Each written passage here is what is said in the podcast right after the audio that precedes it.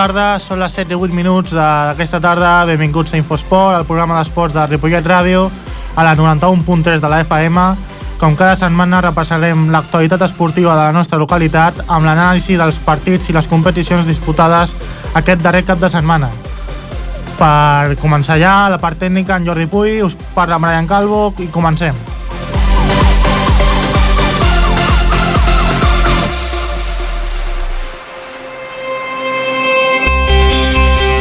Tenis taula, tenis taula, tenis taula.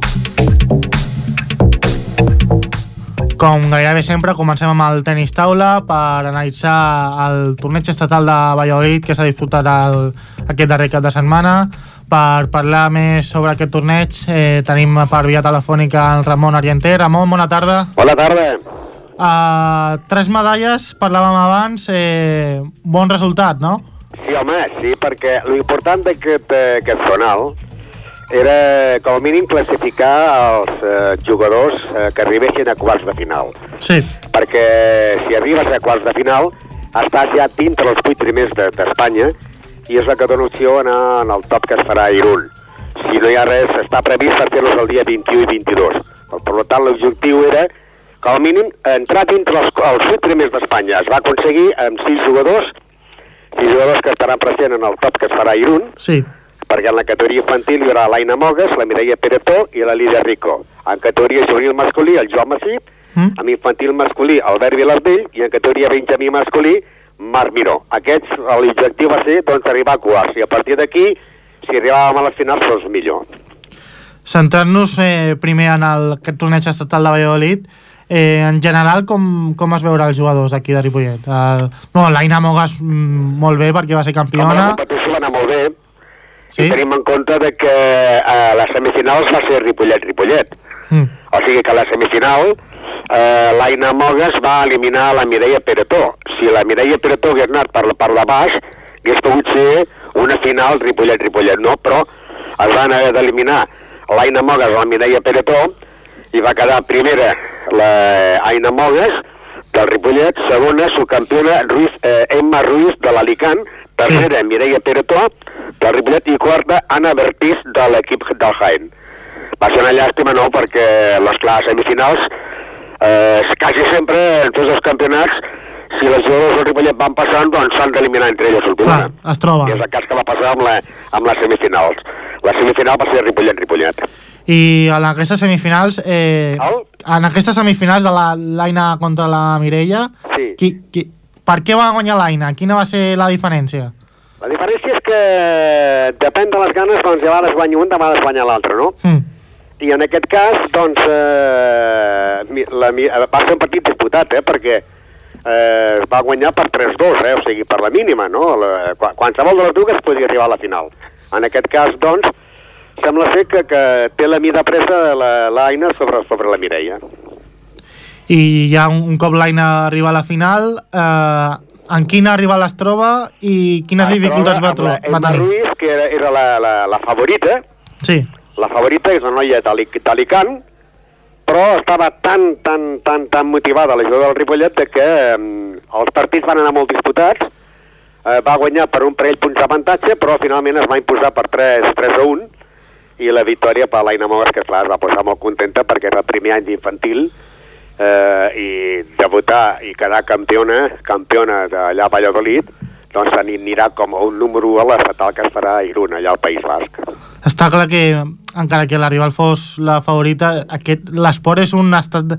Es decideix per estats d'emocions. Ja es va veure aquest cap de setmana el, la final de la, la Copa del Rei de bàsquet, eh, on equips que no són favorits eh, es classifiquen, arriben a finals i fins i tot l'Aina, en aquest cas, no era favorita i guanya.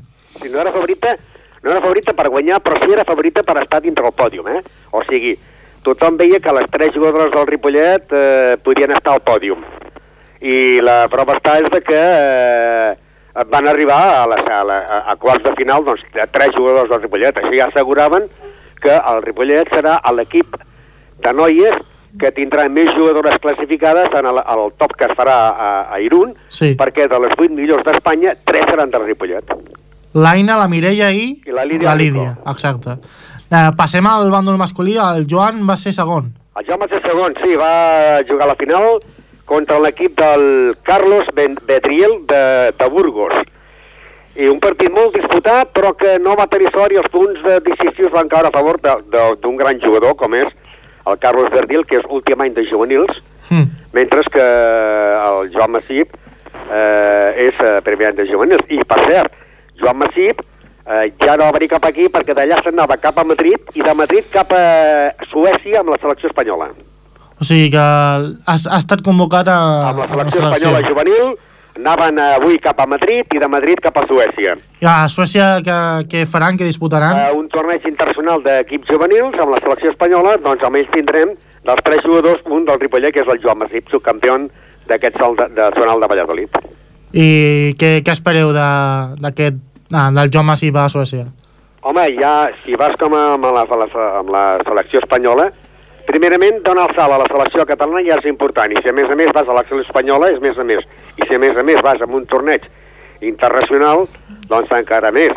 Si, si la setmana passada teníem un benjamí que quedava tercer al torneig internacional d'Europa que es va fer a Budapest, Sí. i ara tenim un jugador que, que va amb la selecció espanyola, vol dir que, que, que l'esport base de Ripollet eh, som dels primers a arribar doncs, en aquests llocs. I sobretot, especialment el tenis taula, que, que és, és brutal la, la quantitat de jugadors i jugadores que, que surten del planter.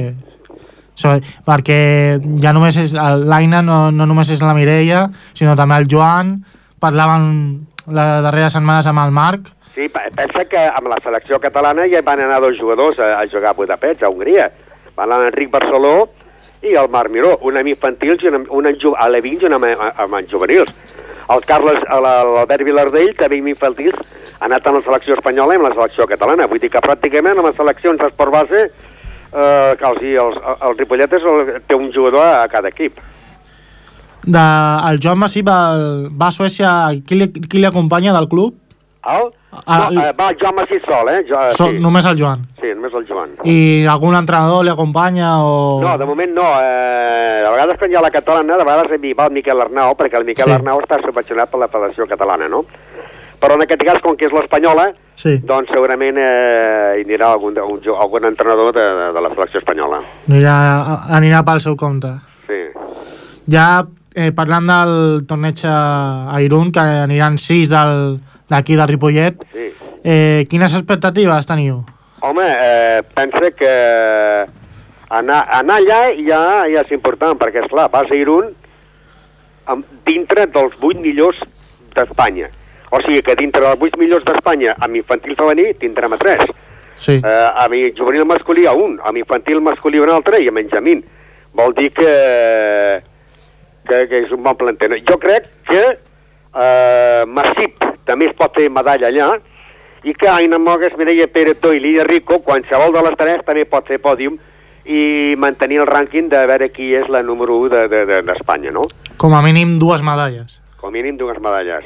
Però l'important ja no és guanyar la medalla, diguéssim, aquesta. L'important és eh, eh, Estar pujar posicions, a veure a, a, a quin lloc quedes de, de, de, del rànquing espanyol, saps? Sens dubte, és estar allà i competir, és, Aquí està, és la sí. clau. Ja, per- perquè en aquest de, a Valladolid vau anar, m'imagino que el Miquel i tu, no? Sí, el Miquel i jo com a entrenadors Com a com entrenadors. allà a Valladolid, sí. I, I, ja, clar, ja portàvem 12 jugadors, eh? Clar, I de, dels, dels 12 jugadors n'hem classificat la meitat.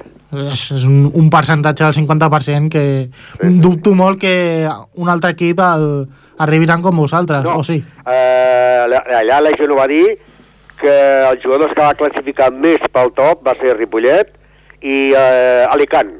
Ripollet-Alicant. Primer Ripollet, segon Alicant.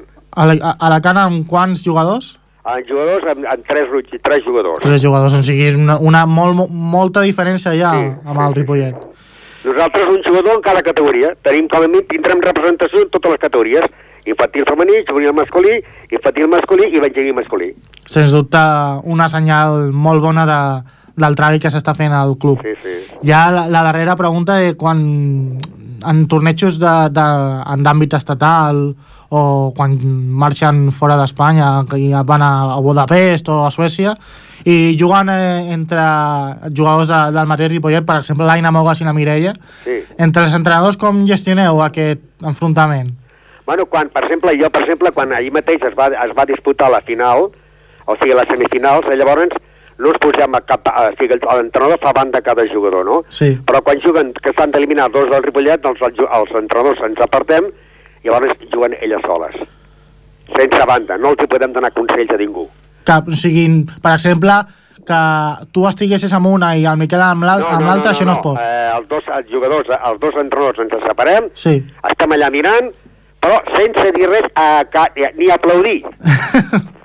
no, ni, no, no dir res a cap, clar, no pots tenir... No vols, si jo porto a l'Aina, que vaig portar jo a l'Aina, no pots que, que, que elimini la teva jugadora. clar. I viceversa, per tant, els entrenadors ens apartem, mirem el joc, gravem el joc, perquè vam, els van gravar per veure els fallos, Sí. però mm, ningú va dir res fins al final que vam anar a consolar a l'apartadora i, i, i, a, i, a, i a donar la il·lustració a la guanyadora. Doncs esperem que el, aquest torneig a Irún continuïn els bons resultats al, pel club de tenis taula Ripollet i que continuï aquesta molt bona dinàmica, Ramon. Sí, llavors ja, després d'aquest campionat que seria el 21-22 a, a, a Irún, frontera amb França, llavors ja 20 els campionats d'Espanya que aquest any estaran a Blanes. 21 i 22 de, de març? De 20, eh, està eh, previst per fer aquest top nacional el dia 21 i 22 de maig. De maig. Sí. Vale. I llavors, adelantar-te, que ja us avisarem més endavant, Sí. que a la divisió d'honor el Ripollet tenia un doble desplaçament a, a Pontevedra i que aquesta jornada s'ha aplaçat Sí? perquè el jugador Jaume Cip estarà fora amb la selecció, Clar. no? I llavors el partit que es tenia que jugar, Heu aconseguit aquesta concessió. sí, que a vegades s'ha pogut aconseguir, i com que aquella setmana el Ripollet, eh, hi havia una setmana que el Ripollet descansava, doncs el triple desplaçament que s'ha de fer a Pontevedra i a Lugo Sí. estaria el 9 i 10 d'abril, però i això ja us ho anirem, us ho anirem informant, Vale. eh, perquè encara queda per dies, no? Sí, ja durant aquelles setmanes ja tornarem a trucar i, i ja continuarem parlant de les lligues respectives. D'acord. Doncs, Ramon, moltes gràcies per atendre'ns un altre cop i molta sort a Irún. Moltes gràcies a vosaltres. Vinga, fins una altra. Fins una altra. Adéu-siau.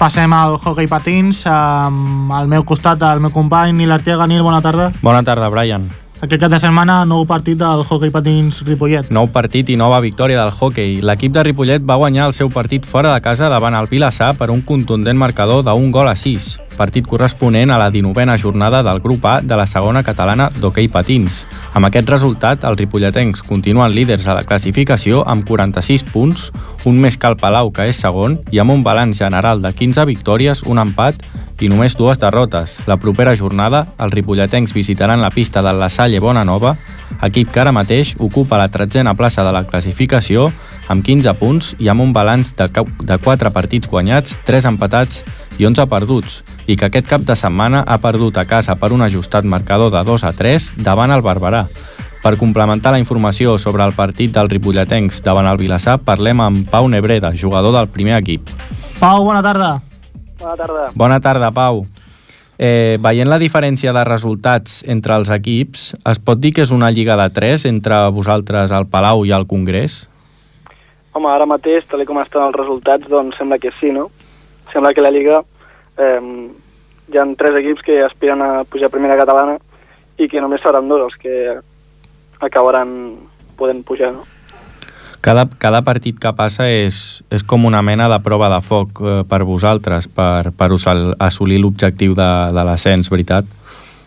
Sí, ja sabem que cada partit és molt, molt important, sabem que, que ens juguem molt, però bueno, nosaltres estem fent el nostre joc, fem un joc eh, ofensiu, també sabem que hem de defensar molt bé, i que els equips saben que, que al jugar contra el líder, bueno, ho donaran tot, no?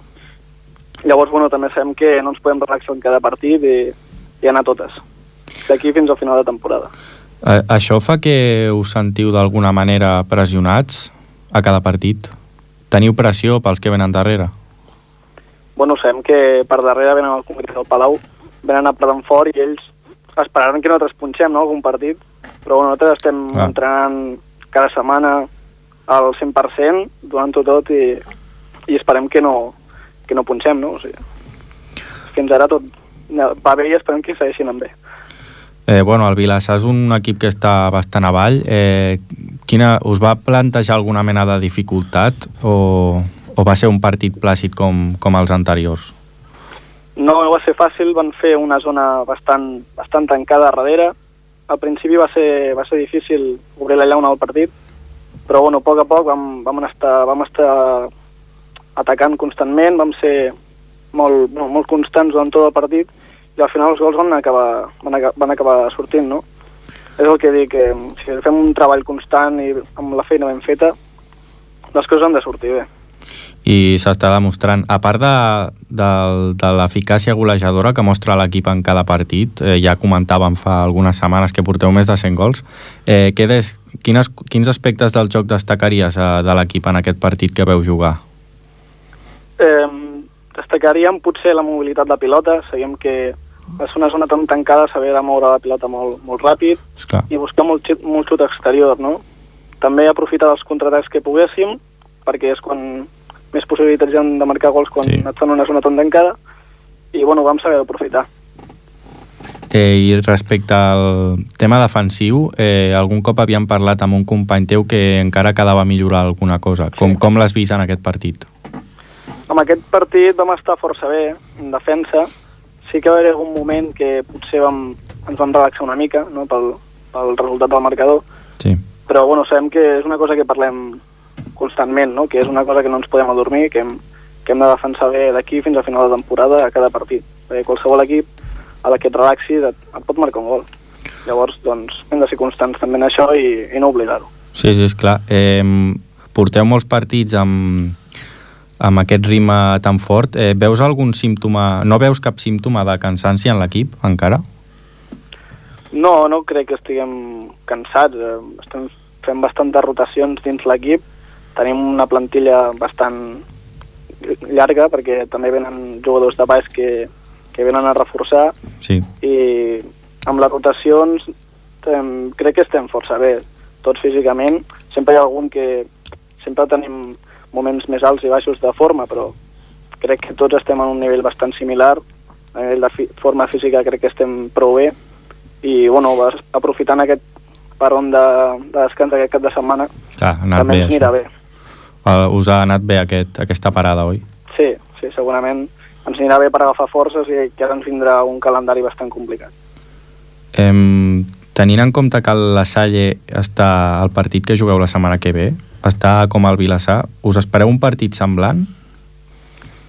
Sabem que no serà fàcil, ja que la pista de la Salle és una pista bastant difícil de jugar i, bueno, eh, anirem a afrontar cada partit com, bueno, com a tots els partits, no? Eh, anar-lo a, a guanyar des del primer moment, a posar-nos per damunt del marcador i, i defensar fort perquè, perquè ells no marquin, no? Has, has jugat algun cop en aquesta pista? Sí, hem jugat en ja he jugat alguna copa en aquesta pista i és bastant difícil de jugar, bastant difícil. Què, què destacaries d'aquest equip? De la Salle, Sí, és un equip bastant físic, són jugadors bastant físics, potser de nivell de qualitat no, no estarien al nostre nivell, però Ja. si ens relaxem, és el que, di, el, el que deia abans, que si ens relaxem, qualsevol equip et pot guanyar. Llavors el que hem de fer és anar, anar a guanyar el, el partit des del primer moment i no relaxar-nos. Em, Pau, em sembla que és la primera vegada que, que et truquem. Eh, com Sí. Ens podies fer una valoració del, de la temporada a nivell personal? A nivell personal, bueno, és la primera temporada que estic aquí a, a Ripollet i de moment les sensacions són molt bones. Eh, Sí. Des del primer moment que vaig arribar al club eh, tothom m'ha tractat molt bé des del primer moment. Amb els jugadors de, de l'equip estic molt, molt satisfet. Eh, hi havia jugadors que ja, ja coneixia d'altres anys i els que no també s'han portat molt bé amb mi, així que la veritat és que estic molt content, hi ha molt bon rotllo tant dins com fora de la pista i, Ja, i això al final es nota. A quin equip jugaves abans? Abans estava a Cerdanyola. El Cerdanyola. I com, com ha sigut això de canviar així? Perquè sou, sou, hi ha una mica de rivalitat, no?, entre el Cerdanyola i el Ripollet. Sí, per la proximitat sí que, bueno, es podrien parlar de derbis. Clar, Doncs, bueno, eh, jo sempre havia jugat a Cerdanyola tota la vida i, bueno, hi ha moments que, que et planteges canvis eh, a nivell esportiu sí. i a nivell de motivació també, no? I va sorgir el projecte de- d'aquí de, de Ripollet i em va agradar i, i vaig venir cap aquí. Eh, em sembla que d'aquí molt poc jugueu contra el Cerdanyola, si no m'equivoco. Sí, no queda gaire tampoc. Sí. Eh, que, que, bueno, com, com serà aquesta tornada al, al teu antic, a la teva antiga casa? Com, com ho esperes? Bé, bueno, ja em vam jugar a l'anada i va ser un partit molt intens. També es, es fa estrany al principi, no? Eh, El club, el club on ha jugat sempre, doncs, eh, Sí, aquest cop trobar-te contra ell, no? Però, bueno, un cop comença el partit, comences a agafar ritme de, de partit, ja les coses s'obliden. S'obliden, sí, sí. a la pista i ja estic a Ripollet i a defensar la samarreta. Pau, per la meva part, eh, aquesta dinàmica tan bona de, de l'equip, mm, parlaves que, bueno, que has estat al Cerdanyola, a, a algun, no sé si en algun equip més, No, només a Cerdanyola. He estat tota la vida, des de que vaig començar a patinar fins, fins l'any passat. i creus que aquesta temporada està sent la millor en quant a joc per tu? O sigui, eh, t'has trobat un equip que, que no para de guanyar. Eh, la comparació davant el Cerdanyola, eh, quina és? A nivell de resultats sí que podria ser la millor, ja que, bueno, eh, ho estem guanyant pràcticament tot, no? Hem perdut dos partits i un empatat. És que el canvi és molt bo, Sí. Estic, estic molt content i, i la veritat és que sí, està. I ja l'última, eh, parlàveu d'una possible lliga de 3 entre vosaltres, el Palau i el Congrés. Eh, L'equip es fixa molt en els resultats del Palau i del Congrés? O va, us, fix, eh, us centreu en el vostre rendiment i ja està? Crec que s'ha tallat o ens ha penjat el telèfon doncs ja continuem amb el programa li donem moltes gràcies al Pau Navreda i seguim amb el programa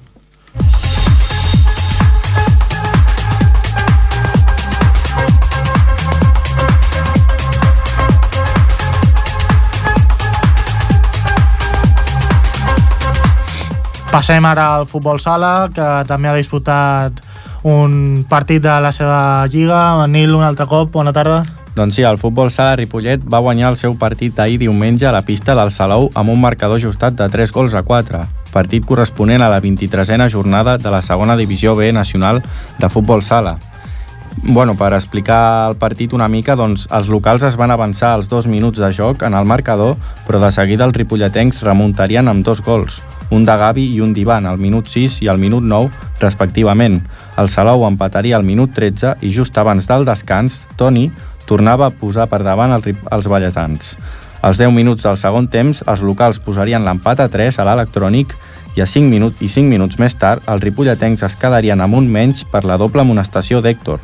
El Salou va perdonar llavors diverses ocasions i quan els visitants van recuperar el jugador de pista, Manel va fer el definitiu 3 a 4 a molt poc pel final.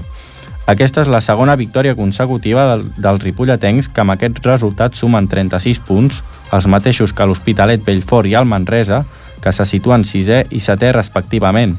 El Ripollet és vuitè pel gol a Veraix. La setmana que ve, els ballesans rebran a casa l'Associació Esportiva Joventut Riera de Cornellà dissabte a dos quarts de set del vespre. L'equip del Baix Llobregat és 15 a la classificació amb 23 punts i amb un balanç general de 6 victòries, 5 empats i 11 derrotes. Aquest cap de setmana ha empatat a 4 al camp del Playas Castellón. Per complementar la informació sobre el partit dels ripolletens, parlem amb Antonio Medina, jugador del primer equip. Antonio, buenas tardes. Hola, buenas tardes. Hola Antonio, ¿qué tal? Eh, Bien, bien. Bueno, partido muy complicado, especialmente en el tramo final que ex- os expulsaron a Héctor. Eh, ¿Cómo valoras la actitud del equipo en este partido? actitud- la actitud fue de 10 porque pese que yo creo que tendremos que haber ganado el partido un pelín antes por la porque fallamos demasiadas ocasiones, Sí. supimos sufrir que en esta categoría los puntos cuestan mucho y es muy importante saber sufrir y saber jugar con el marcador a favor y, y al final llevan los tres puntos. Sobre todo el saber sufrir y, y que el equipo estuvo unido hasta el final, eso es con lo que con lo que te quedas del partido de ayer. Mm, ¿Cómo se trabaja esta mentalidad en, en un, en un partido que parece que va de, bueno, de espalda, digamos? Bueno, se nos puso más o menos cómodo y luego en dos ocasiones de, ir- de ponernos de- del 1-3 pasó al 2-2 y del Sí. 2 al 4 pasó al 3-3. Pues por lo tanto, no tienes que bajar los brazos, seguir trabajando y si no te entra y si no te entra no te entrarán otras. Sobre todo estar aplicado en defensa, que es donde más errores cometemos. El ataque sale solo y si un día no y si un día pues no tienes el día de, de enchufarla, pues ya lo tendrás otro y sobre todo no bajar los brazos. Eh, bueno, ¿qué, qué nos puedes decir del juego del equipo en ese partido? ¿Qué, qué te gustó más? Me gustó que, que estuvimos elaborando todo el rato, estuvimos llevando nosotros el ritmo del partido, proponiendo las ocasiones y ellos pues más o menos a esperar, a salir a la contra y a juegos directos. Nosotros más o menos elaboramos y de ellos vinieron dos o tres goles, vinieron de jugadas colectivas del equipo. ¿Crees que podríais haber marcado algún gol más, no? Sí, claro, claro. También nos podrían haber marcado, ¿eh? que los porteros estuvieron, Sí. tanto Héctor como Isaac estuvieron muy bien, ¿sabes? nos salvaron el partido, pero también nosotros si hubiéramos estado un poquito más acertados de cara a la portería nos hubiéramos llevado el partido, nos hubiéramos llevado el partido antes y no hubiéramos sufrido hasta, hasta el último segundo.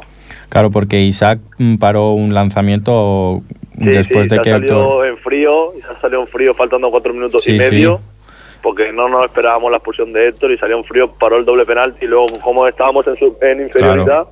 Sí, sí. pues le chutaron bastantes veces y el chaval pues las, par- las sacó todas, ¿sabes?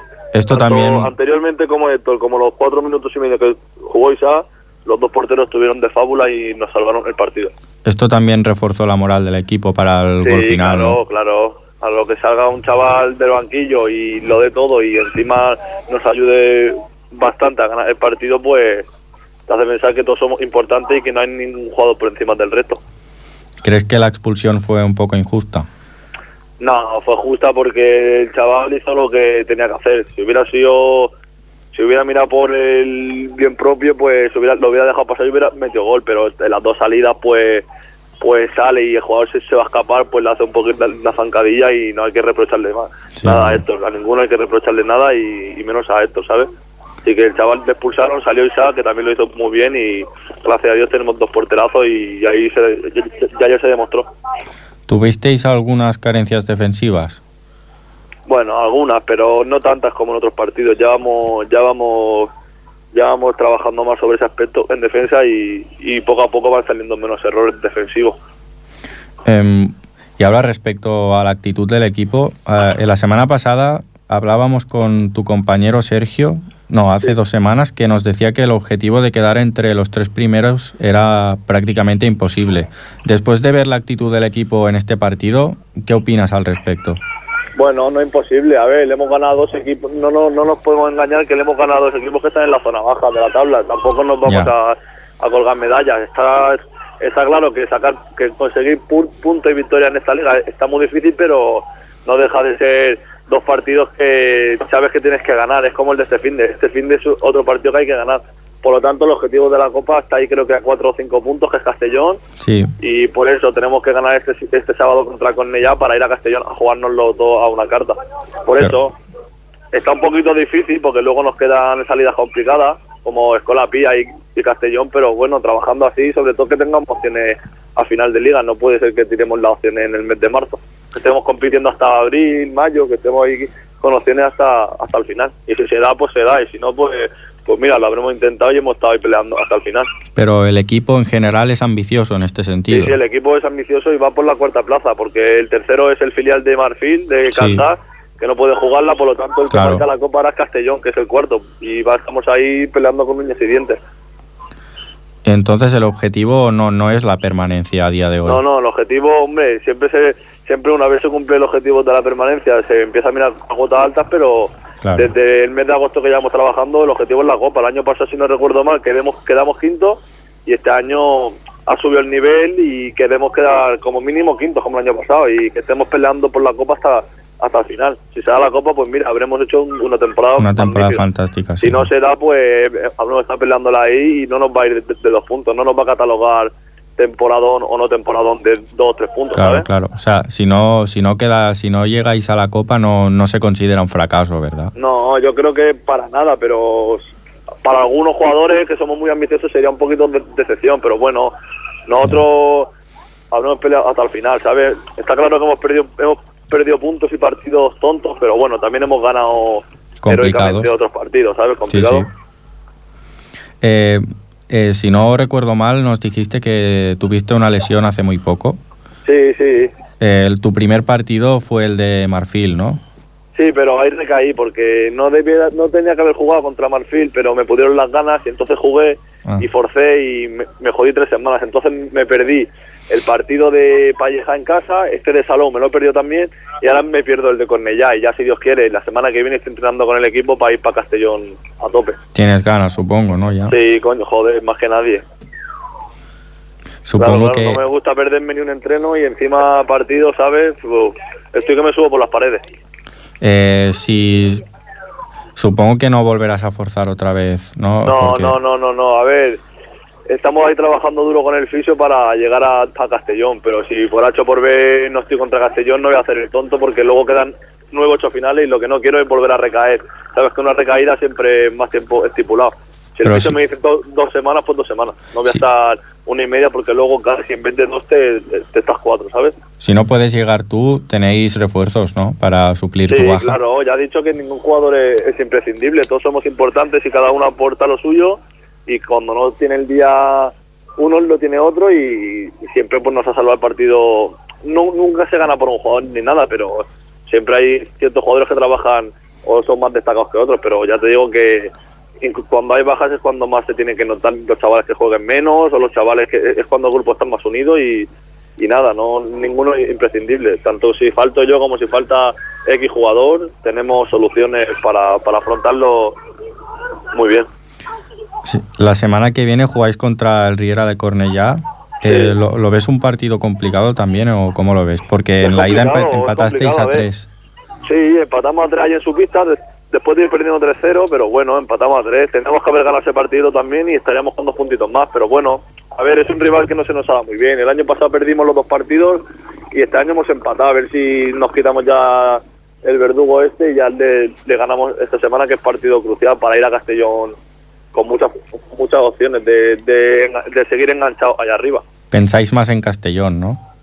No, no, no, para nada. es- es- si no se gana aquí, no valdrá de nada Castellón. Tenemos que ir partido a partido. Esta semana es Cornellá, a tope con Cornellá, porque si perdemos con Cornellá, no valdrá de nada si gana en Castellón, porque estará más distante.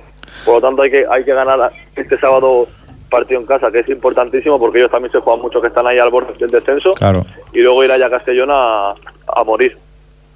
Bueno, la, para acabar, la última pregunta. ¿qué- ¿Qué destacarías de este rival en relación al juego? Cornellá. Sí. Yo creo que es un rival bastante físico. Sabes que pese a que tiene poco, pocos jugadores, de- pocos jugadores, pa- poco, poco banquillo para hacer cambios. Es un equipo muy peleón y que siempre pone las cosas difíciles a sus rivales, que nunca se, se alejan en el marcador y que siempre están ahí muy pegados, sacan resultados muy muy cercanos Sí, sí. con el equipo rival, ¿sabes? No, no le suelen golear y por eso va a ser un partido duro, bronco y se lo llevará el que menos fallos cometa. Pues desde aquí, desde el programa de Infosport, os deseamos toda la suerte para el siguiente partido y sobre todo para que te recuperes pronto y puedes volver a jugar. Muchas gracias a Y vosotros. ya te llamaremos en otra ocasión y comentamos vale. los partidos Vale, que vengan. Muchas gracias, Antonio. A vosotros. Hasta la próxima. Hasta luego. Gracias.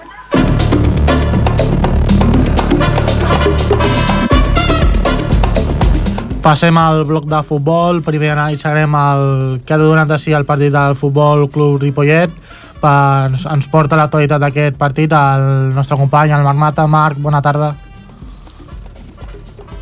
El Club Futbol Ripollet no aconsegueix la victòria davant el Club Futbol Sant Cristóbal. Bona tarda. Ahir diumenge, amb les grades del municipal plenes de gom a gom, el Ripollet va perdre davant el Sant Cristóbal per un gol a 3. El partit va començar amb un Ripollet que sortia amb forces per emportar-se els 3 punts, però els de Terrassa lluitaven també per guanyar. La primera part va ser una part difícil pels de Juan Carlos Torres. El, els ripolletens durant tota la primera part van tenir moltes oportunitats per marcar gol, però no aconseguien transformar aquestes oportunitats i els visitants s'ho posaven complicat. Els de Terrassa també van tenir diverses oportunitats i en el minut 29 del maig els terrassanencs van saber transformar en gol una d'aquestes oportunitats, estrenant així el marcador. Uns minuts després, els de Sant Cristóbal van intentar marcar un altre gol, però una bona defensa dels ripolletens va impedir que la pilota entrés a la porteria. En el minut 42 del partit, els de Terrassa van marcar gol, però l'àrbitre va xiular fora de joc. Un fora de joc molt protestat a la grada, però també al, al terreny de joc. Això va provocar que el col·legiat hagués de treure una targeta a un jugador visitant. En el minut 52, l'àrbitre va xiular un penal a, a favor dels locals i en Xema va saber transformar en, el penal en un gol, una jugada molt celebrada per tothom. En el minut 55, els ripolletens van regalar el segon gol als terrassanencs, marcant un gol en pròpia porta quan el Josué intentava desviar la pilota a fora. En el minut 67 van arribar dues targetes grogues pel Sant Cristóbal, una per un jugador que estava al terreny de joc i l'altra a la banqueta. En el minut 87, el Sant Cristóbal va marcar el tercer gol visitant i va tancar així el marcador. Un cop acabat el partit, van haver un intercanvi de paraules entre alguns membres de cada equip. Al final del maig, l'Àngel Mula, jugador del Club Futbol Ripollet, va valorar el partit davant els micròfons de Ripollet Ràdio. Ha sido un partido complicado el de hoy. Sí, bueno, ha sido un partido difícil. No hemos entrado en el partido, desde el principio del partido hemos estado muy fríos. No hemos sabido llevar las riendas, ellos han sido mejores y se han llevado el partido, no hay más. Habéis tenido muchas oportunidades. ¿Crees que no habéis sabido transformar esas ocasiones en gol? Yo creo que tampoco hemos tenido suerte, hemos ido todo el rato a remolque, ellos se han puesto por delante, hemos ido a remolque justo cuando marcamos el gol del empate, al minuto nos empatan, ahí nos marcan el 2-1. Es muy difícil llevar un partido así, no lo hemos sabido llevar, no hemos sabido remontarlo, las ocasiones no entran y cuando no entra la pelotita, y ellos son superiores, que hay que reconocerlo, pues no podemos hacer nada más que felicitarlos, seguir trabajando e intentar corregir lo que hemos hecho mal y ya está. ¿Creíais que con la diferencia de puntos os iba a ser fácil ganarle a este, a este equipo? Yo creo que la diferencia de puntos en esta liga se está viendo que no vale para nada. O sea, te puede venir cualquier equipo y ganar. Hoy se ha visto aquí y se van viendo todos los resultados. Es una liga muy igualada y nosotros no nos fijamos en eso. Yo creo que si nosotros cuando estamos bien y somos como somos, que vamos, somos intensos, le metemos mucha intensidad al juego, jugamos rápido, tenemos la pelota, pocos equipos nos pueden llegar a ganar, pero cuando no nos sale nuestro juego es muy complicado que ganemos. Hoy ha sido porque ellos han sido mejores y otros días que no hemos ganado ha sido porque no, no, hemos estado finos con el balón y hay que mejorarlo. Si queremos subir tenemos que mejorar esas cosas porque si no al final no nos llevaremos el premio. ¿Qué crees que tenéis que mejorar del partido de hoy? La intensidad.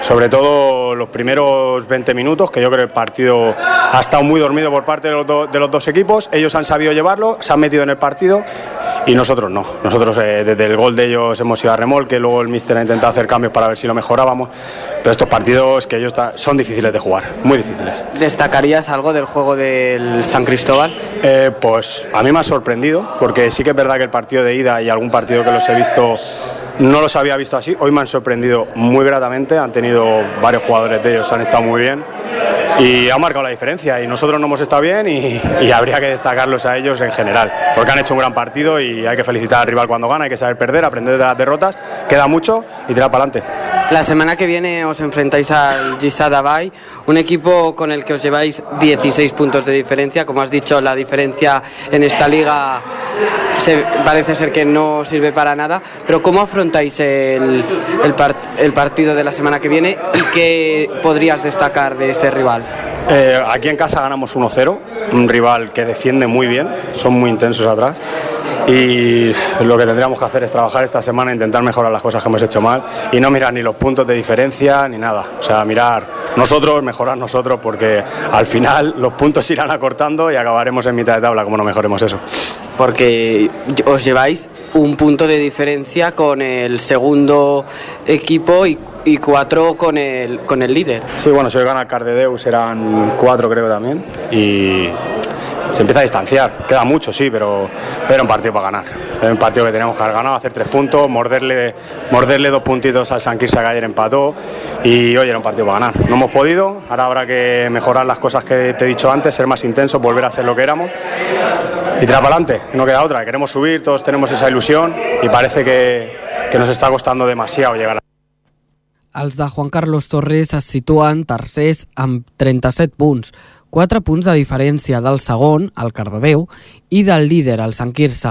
L'equip ripolletenc porta 11 partits guanyats, 4 empatats i 6 perduts. La setmana que ve s'enfrontarà al Gissà de Vall, un equip que va dotzer amb 24 punts, 5 partits guanyats, 9 empatats i 7 perduts.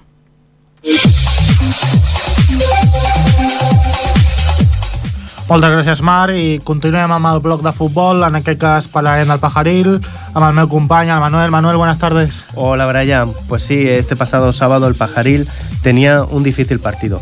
Después de la última visita del segundo clasificado, el Torre Romeo, ante el cual perdió el Pajaril 0-3, recibía a un llano que era líder, equipo más goleador de la tabla y el único equipo que aún no conocía la derrota. Un Pajaril que enfrentaba un partido con numerosas bajas. Solo disponía de dos cambios y sin un guardameta reserva. A pesar de estos contratiempos, el Pajaril buscó en todo tiempo tener la iniciativa del partido y el control del juego. Su rival no lograba llegar a crear peligro en la portería que defendía el guardameta Rubén. En el minuto 4 de partido llegaría la jugada más clara hasta el momento del partido por parte del rival, con un potente disparo desde fuera del área que hacía estirarse al meta Rubén para enviar a córner.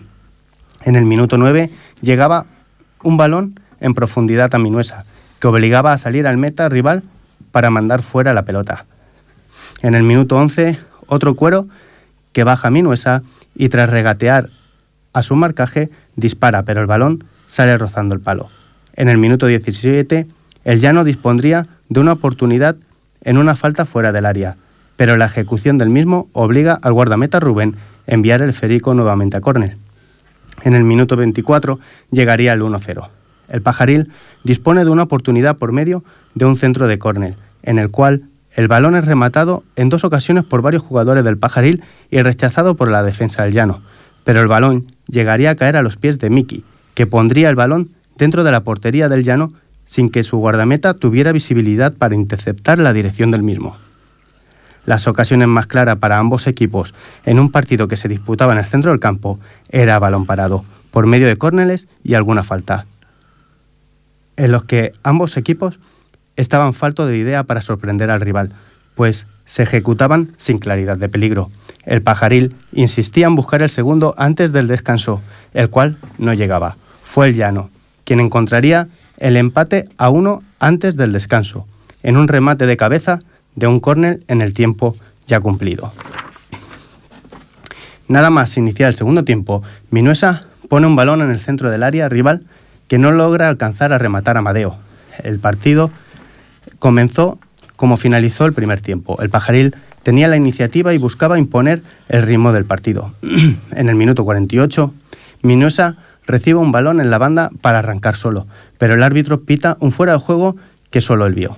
Desde el minuto 51, ambos equipos intentaban imponer su ritmo al rival. Fueron momentos en los que un error podía perjudicar al otro. El equipo que dirige Chus leía muy bien el partido, tanto en ataque como en defensa. Minuesa recibía un balón y se marchaba en velocidad por la banda.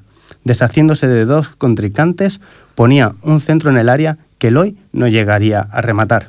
El pajaril disponía de tres nuevas ocasiones para lograr adelantarse, pero el cuero no quería entrar. En el minuto 69, nuevamente Minuesa lo intentaba desde fuera del área con un, fuerte disparo, que saldría rozando el palo de la portería rival. El pajaril estaba jugando muy bien a triangular y a bascular al rival en cada jugada, al cual tenía controlado en su medio campo, el cual recurría a los balonazos para lograr cruzar el medio campo. La presión y la intensidad con la que jugaba el pajaril parecía que él mismo fuera el líder, pues era superior en cada jugada, le faltaba efectividad en finalización. Corría el minuto 80 cuando el llano mete el miedo en el cuerpo, en un nuevo córner rematado de cabeza. En el minuto 82 recibe Diego un balón que pone en la banda a Eloy, que centra y Diego recibe, y lo coloca dentro de la portería para establecer el 2-1 tan esperado por la afición.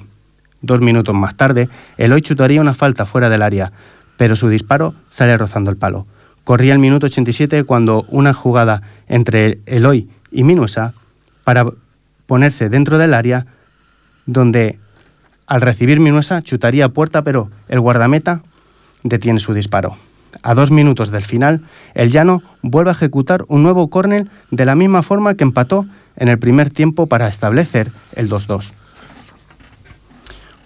Cuando se acercaba el toque de bocina del colegiado para poner punto y final al encuentro, Minusa recibiría un balón en el centro del área, el cual abriría a la banda para Eloy, que con sangre fría paraba el balón ante un rival y se lo colocaba para chutar, y poner así el balón dentro de la portería rival para sentenciar con victoria el juego brillante de su equipo. Resultado muy merecido y trabajado por parte del equipo que dirige Chus, que fue el primer equipo en derrotar al líder y ir así con una nueva motivación a la próxima semana al campo del Atlético San Just, tercer clasificado de la tabla. Con este resultado de 3-2, el Pajaril se coloca sexto con 32 puntos a 14 puntos de distancia de- del tercer clasificado. Y le hicimos la entrevista a Diego, con el que pudimos hablar y analizar todo esto. Tenemos con nosotros a Diego, autor del segundo gol. Eh, Diego, felicidades ante todo. El Pajaril ha conseguido una victoria ante el líder, que era el equipo invicto a, a batir. Eh, ¿Cómo sentís ahora después de esta victoria 3-2? Pues muy bien, la verdad, porque ya no merecíamos seguir para adelante porque hemos empezado muy mal el año y ahora van saliendo resultados y ahora se ha demostrado que ganando al líder tendríamos que estar más arriba, no pertenezco a donde estamos. Tendríamos que estar luchando por unos puestos más, bueno, para ascenso y eso, pero poco a poco. Muy felices y a seguir con esto, a seguir lo, más, lo mejor posible y a subir lo, me- lo más puestos posible. La verdad que ha sido una victoria bastante complicada, habéis puesto dos veces por delante, llegando ya casi al final ellos han vuelto a empataros y suerte que en el último minuto vosotros habéis podido conseguir el, el 3-2. Eh, ¿Cómo estabais viviendo vosotros cuando, cuando han empatado? que estabais, no sé si venían fantasmas en mente de decir otra vez se nos va a ir el partido, ¿cómo lo estabais viviendo vosotros en el campo? La verdad, molesta mucho que ponerse por delante dos veces y que te empaten y más cuando quedan cinco minutos, pero aquí se nota que el equipo tiene cabeza y hay unos jugadores impresionantes. Ya he visto que hasta el último minuto hemos luchado y se ha podido. Y es que así se, se pueden todos los partidos. Se ha podido este, se pueden todos. Y por mucho que estemos eh, con el resultado en contra, este equipo tiene mentalidad para seguir para adelante. ¿Crees que teniendo al, al llano tan distanciado, al igual que el Torre Romeo y, y también el San Just, eh, hay dos ligas diferentes en la misma liga? Hombre, por diferencia de puntos es triste, pero la hay ahora mismo porque, como ya te he comentado antes, nosotros al principio tuvimos un mal comienzo y ahora, pues mira, ahora no se puede, no nos podemos pegar a ellos, pero se intentará llegar lo más arriba posible y acortar lo máximo la diferencia con, con ellos, como si quedamos a 5 puntos como a 15, lo más, lo más lejos que podamos llegar. Ahora mismo es eso, hay dos ligas, pero bueno, hay que luchar. Para nosotros ahora mismo nuestra liga sería hasta el quinto puesto y luego ya, yo que sé, quién sabe, si los de arriba pinchan, se, deciden a pinchar dos partidos y seguimos, mal, seguimos sumando tres puntos, quién sabe, pero está complicada la cosa, pero ¿por qué no soñar? Después del partido ante el Torre Romeo aquí en casa, en la anterior jornada, que perdisteis 3-0, eh, en esta, teniendo al líder, eh, ¿cómo enfrentabais vosotros este partido sabiendo, sabiendo esta situación? Sabíamos que el Llano jugaba de otra manera, el Tibidabo jugaba mucho más al toque y el Llano venía más. O sea, tiene grandes jugadores arriba, como el Adán este que la enchufa todas, pero sabíamos que a juego sí que les podíamos, les podíamos ganar y estábamos mentalizados, porque ahí en su campo se nos escaparon por, pero por nada. ¿eh? Estuvimos ahí hasta el último momento y al final nos salió bien, quedamos 2-1 allí y el problema es el Tibidabo que jugaba muy bien y nos pegaron, la verdad es que un buen meneo, pues jugaba muy bien. Los dos goles han sido calcados, los del llano.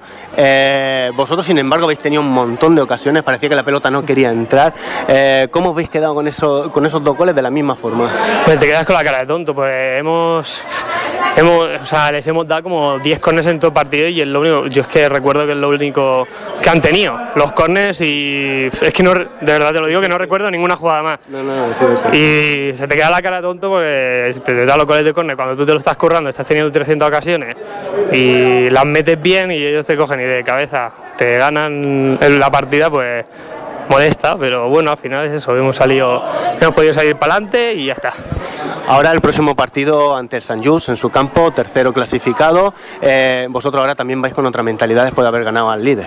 Hombre, la mentalidad ahora será bastante mejor y bueno, ya lleva siendo desde hace tiempo mejor, pues gracias a los resultados y este resultado nos va a reforzar mucho más y nosotros vamos a ir al campo del San Just a ganar, no vamos ni a empatar ni con el resultado, o sea, pensar en el resultado un empate, amarrate y no, vamos a salir a ganar, si hemos sido capaces de ganarle al líder, al San Just también, que aquí otra vez lo mismo, en el último minuto, en los minutos 93 nos metieron un gol Y mira, y te queda, nos, nos quedamos con la cara tonto, pero que vamos a ir allí a, a comérnoslo, a ganarle.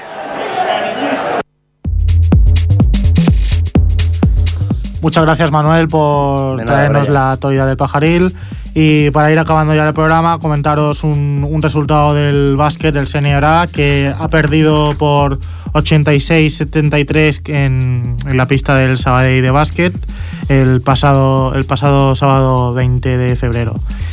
I ja donem per acabat el programa d'avui. Eh, moltes gràcies per escoltar-nos. Eh, tornem el proper dilluns 29 de febrer de 7 a 8 de la tarda.